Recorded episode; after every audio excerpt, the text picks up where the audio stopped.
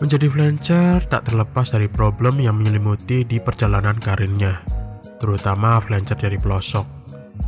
Mereka mengalami masalah yang tak dialami oleh freelancer pada umumnya. Apa saja itu? Mari kita bahas di episode 18 podcast Suara Freelancer.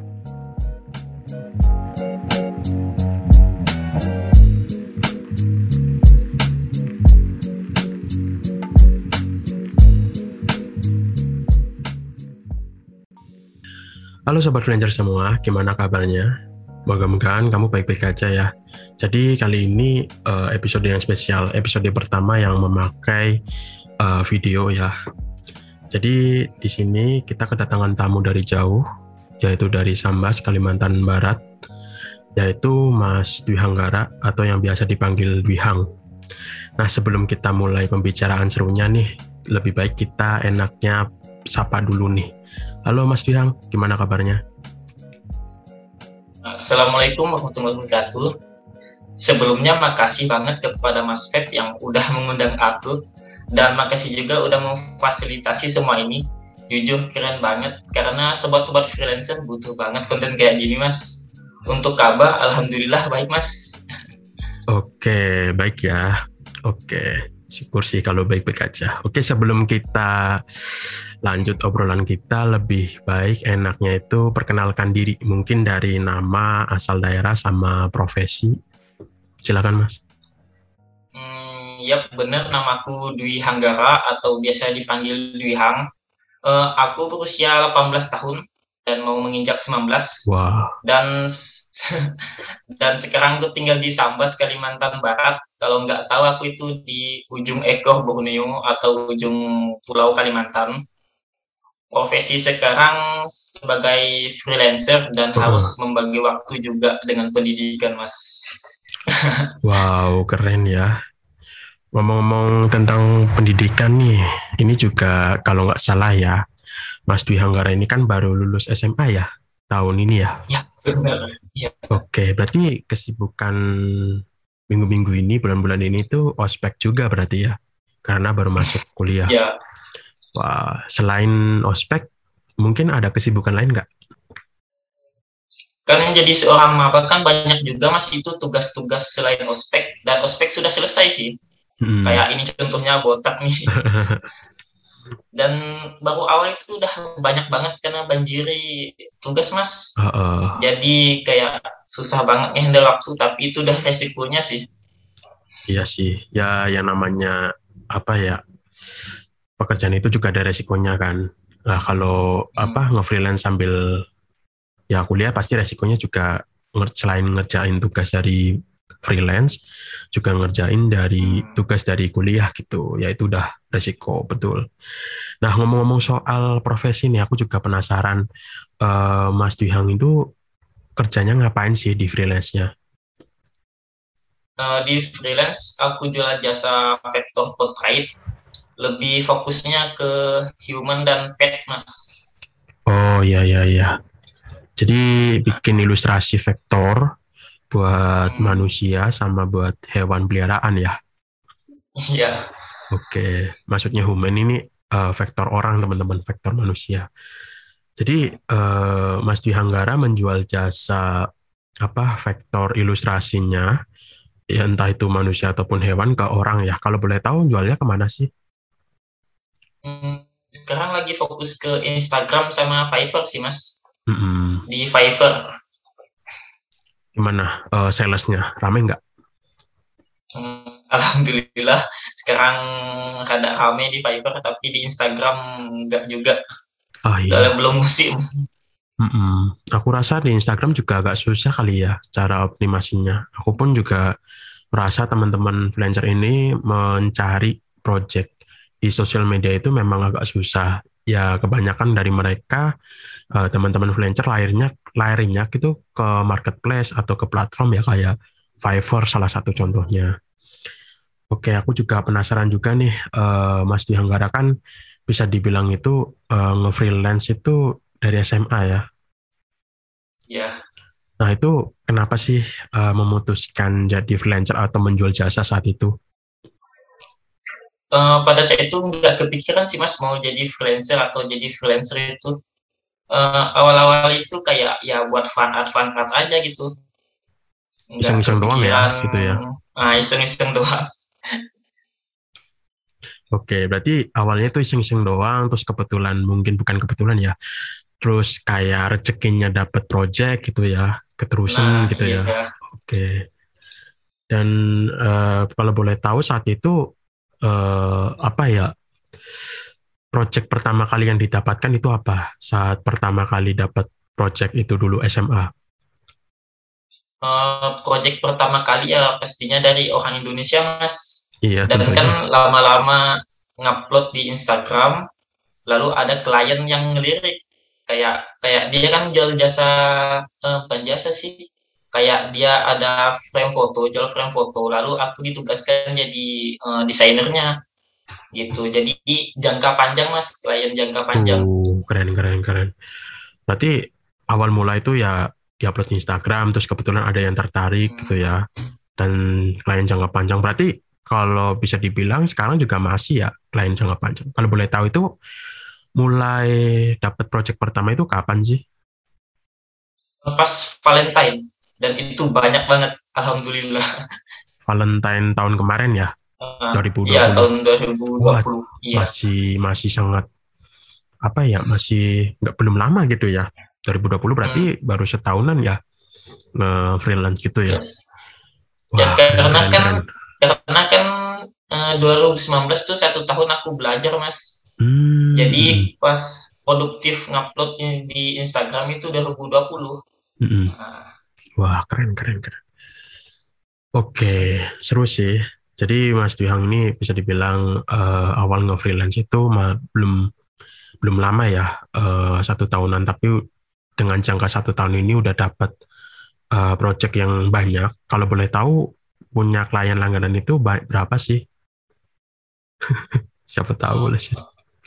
Kalau klien Vector Human itu ada sekitar satu doang sih, satu dua. Mm -hmm. Kalau yang Vector Pet itu rame, ada tujuh dan yang aktif sekarang ada empat. Hmm, itu banyak juga ya. hari. Oke, banyak juga ya. Berarti bisa nyup. Uh, mungkin kalau anak kuliah belum mikirin kayak biaya hidup ya, tapi buat uang jajan cukup banget ya. Oke, keren keren keren keren. Oke, sekarang kita bakal uh, bahas nih tentang topik intinya.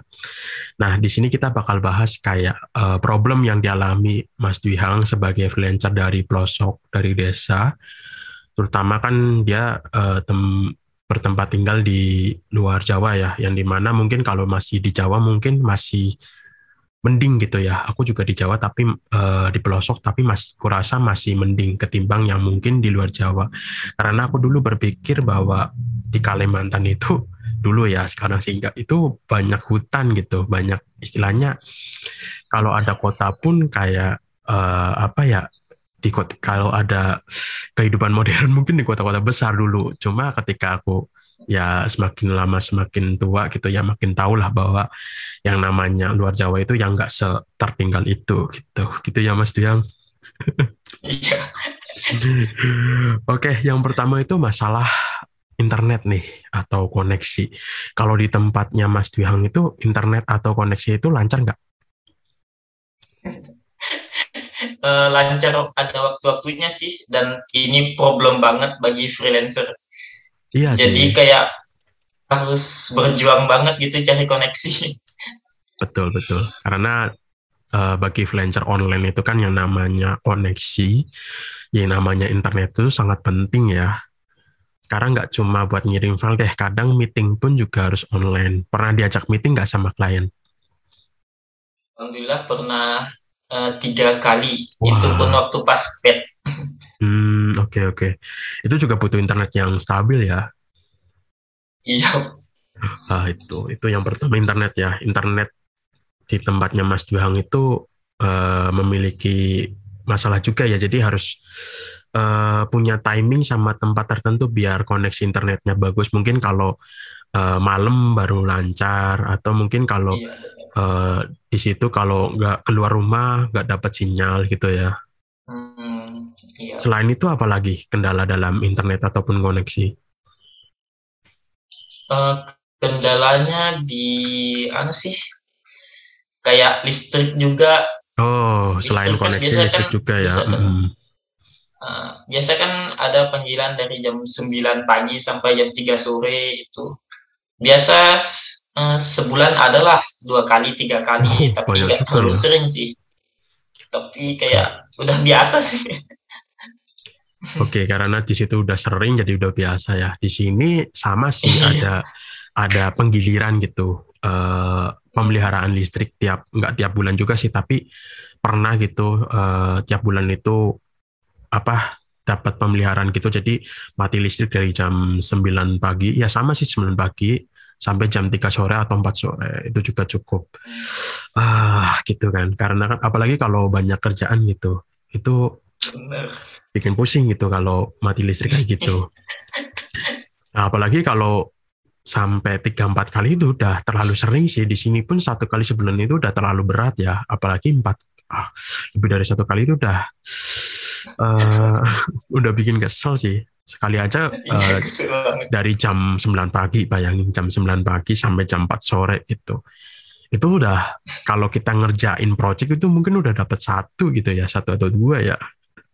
Iya Oke, jadi selain tadi koneksi, Mas Dihanggara juga mendapatkan problem dari internet ya. Oke, selain itu hmm. mungkin dari ini juga ya, mungkin kalau Mas Dihang uh, kebetulan lagi banyak project gitu, itu ada caranya nggak? Uh, misal banyak project gitu dan Mas Dihanggara itu nggak bisa handle atau mungkin pas mati listrik gitu kan, uh, itu kan Mas Dihanggara kan tentunya nggak bisa nggarap, nggak bisa ngerjain project itu, itu uh, gimana tuh? Mas Dwi Hanggara cara menghadapinya itu? Uh, kalau misalkan banyak proyek mas dari klien dan aku pastinya dari awal udah nyiapin tim mas, hmm, kayak okay. ngajak partner gitu. Uh, dan alhamdulillah udah bangun tim sampai sekarang sih. Oh keren keren keren. Kalau boleh tahu berapa tuh timnya? Hmm, sekarang sih nurun sih kayak belasan. Kalau hmm. kemarin hampir empat puluhan. Waduh, waduh. gila, itu cara manajemennya gimana tuh 40 orang gila. Aku aja tiga orang udah kayak kadang sebel sendiri kalau misal ada tim yang gak jelas gitu. itu gimana ya, tuh cara manajemennya? Oh biasa aja, gimana ya, Kasih uh, contoh dong. Kirim, misal. misal kan uh, kirim email kan, uh, kasih waktu deadline 20, uh, deadline-nya jam 5 sore Oh. Dan dia pasti ngirimnya sebelum jam 5 sore. Oh, pakai manual Dan, gitu ya cara ngingetinnya gitu. Ya, oh, ya, kira kan, pakai kan, aplikasi kan, gitu. Enggak ya? Enggak. Hmm. Kalau kalau aplikasi itu ke klien kayak Trello, Slack, iya, Trello. Hmm, betul, betul, betul. Hmm. Kukira kalau manajemen sebanyak itu pakai aplikasi karena aku nggak bisa bayangin kalau kita harus ngingetin orang satu-satu 40 orang gila. Berarti bikin ini juga ya, bikin grup chat juga ya? Iya, ke WhatsApp. Iya sih rata-rata orang yang punya tim pasti gitu. Oke, keren 40 orang gila. Aku punya tim paling banyak itu berapa sih? Uh, kayaknya nggak sampai 10 orang deh. Paling 5 6 orang itu paling banyak. Itu saat itu memang saat banyak-banyaknya project dan bagiku 4 5 orang itu cukup sih 4 sampai 5 orang itu cukup sih maksudku. Wah, itu sampai 40 orang gila. Oke, selain itu ya eh, dalam kendala mencari tim itu ada halangan sendiri sih, enggak sih? Bagi Mas Dihang karena kan tinggal di apa? Terpelosok ya. Tinggal di Sambas gitu kan mencari tim itu kan susah. Berarti selama ini online ya Ya bener online semua. Semuanya online ya, nggak ada yang iya. mungkin uh, di kantor atau di kafe terdekat atau tetangga sendiri itu enggak ya? Oke, keren keren keren. Karena memang uh, apa ya mencari orang yang tepat gitu untuk mengerjakan proyek kita itu susah ya di tempat-tempat di tempat-tempat tinggal kayak punya Mas Juhang gitu ya. Iya benar.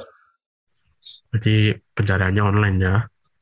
Oke, selanjutnya itu mungkin ada problem lain nggak kayak mungkin dari lingkungan gitu, terutama buat orang-orang yang apa ya, kita nggak judge ya, tapi biasanya orang-orang yang uh, dari desa itu negatif thinkingnya itu sangat tinggi gitu. Itu ada nggak kalau dari Mas Dwi Hanggara?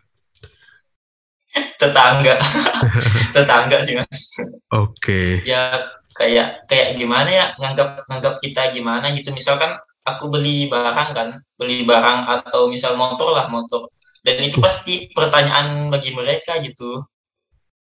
Uh, gimana jadi cara mereka dapat uangnya gitu ya?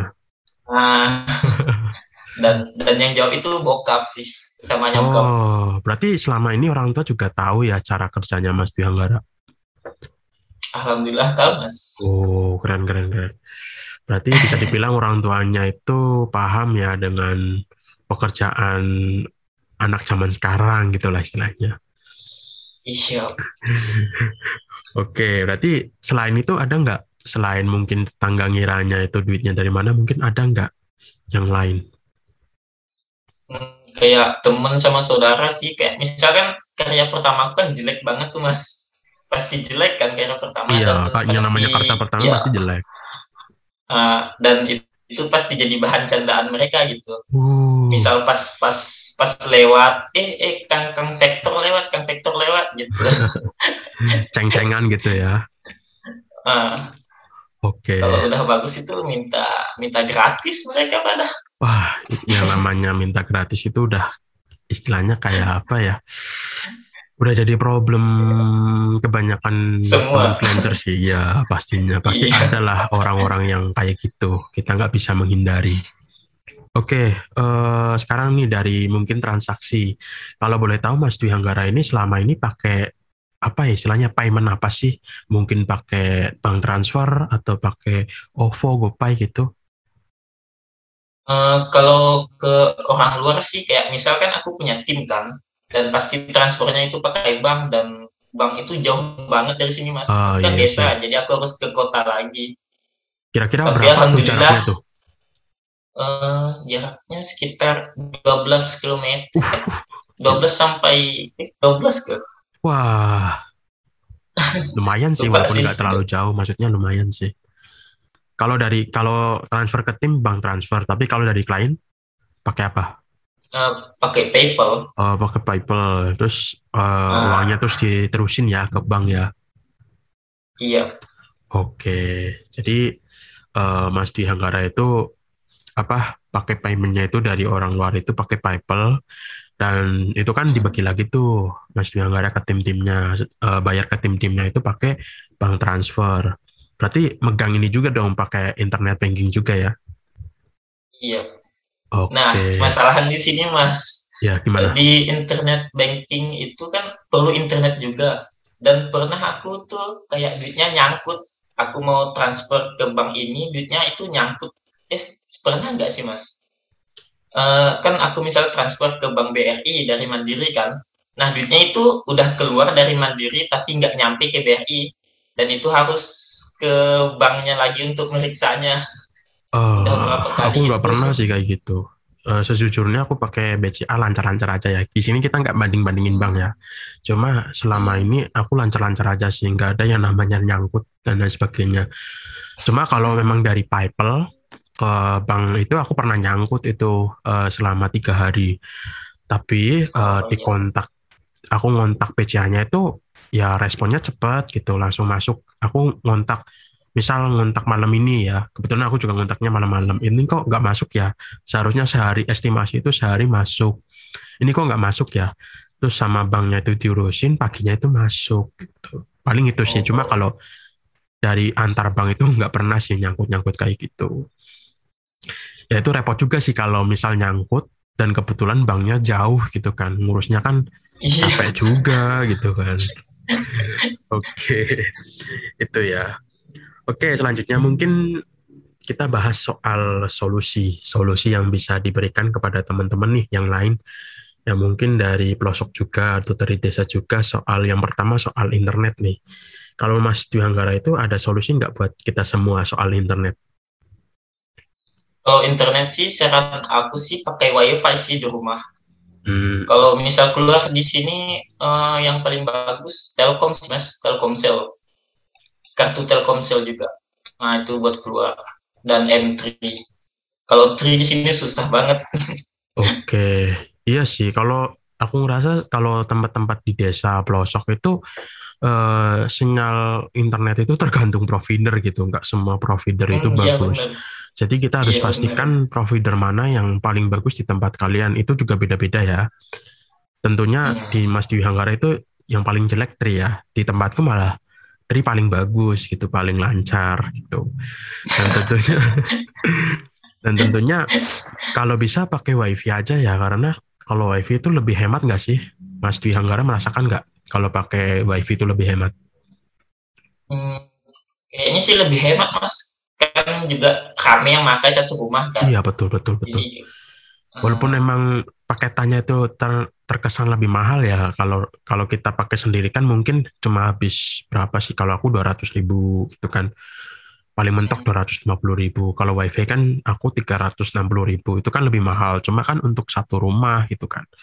Jatuhnya lebih hemat. Dan juga nggak ada ya. kuota ya kalau di tempat itu wifi-nya nggak ada kuota kalau punya Mas Dianggara itu gimana?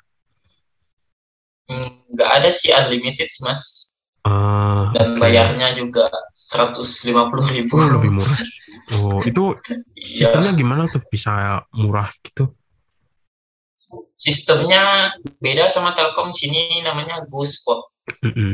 Telkom ada juga tapi GoSpot dan itu lebih murah Kayaknya dan koneksi okay. juga patah-patah sih juga.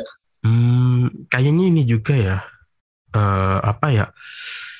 Kayak mendirikan tower sendiri gitu ya. Kalau wifi di nah, situ. Nah, iya benar. Uh, ya, aku juga iya, pernah bener. ditawarin sih. Cuma emang untuk pemasangan awal itu lebih mahal jatuhnya. Itu dulu aku hmm. ditawari itu sekitar 3 4 juta, 3 sampai 4 juta. Itu lumayan mahal kan. Sedangkan aku tanya ke IndiHome itu kan ini tercover enggak? recovery gitu karena memang uh, problem orang di pelosok itu uh, sampai wifi IndiHome pun yang paling gede itu nggak nggak masuk juga susah ya. Iya.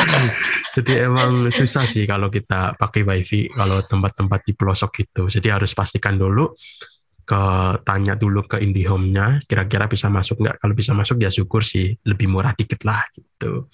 Dan aku juga pernah ditawari uh, tiang-tiang kayak gitu. Dan memang lebih murah kalau kita apa ya istilahnya tetangganya ikut pakai juga gitu. Kayak urunan ya, gitu. Oh, berarti benar ya. ya oke jadi pakai wifi itu lebih murah ya misal kalau ini nih uh, kalau misal ada problem gitu di wifi-nya itu Mas Dihanggara gimana tuh misal nih ada kerjaan mepet sedangkan wifi-nya bermasalah lemot atau apa Oh, itu numpang ke warung terdekat bawa Oh, ada wifi juga. uh, wifi juga. Oh, oke okay, oke. Okay. Di situ warung ya. Mungkin kalau di kota-kota besar wi uh, cafe gitu ya. Enggak ada kafe sih. Cerita di pelosok. Oke okay, oke. Okay.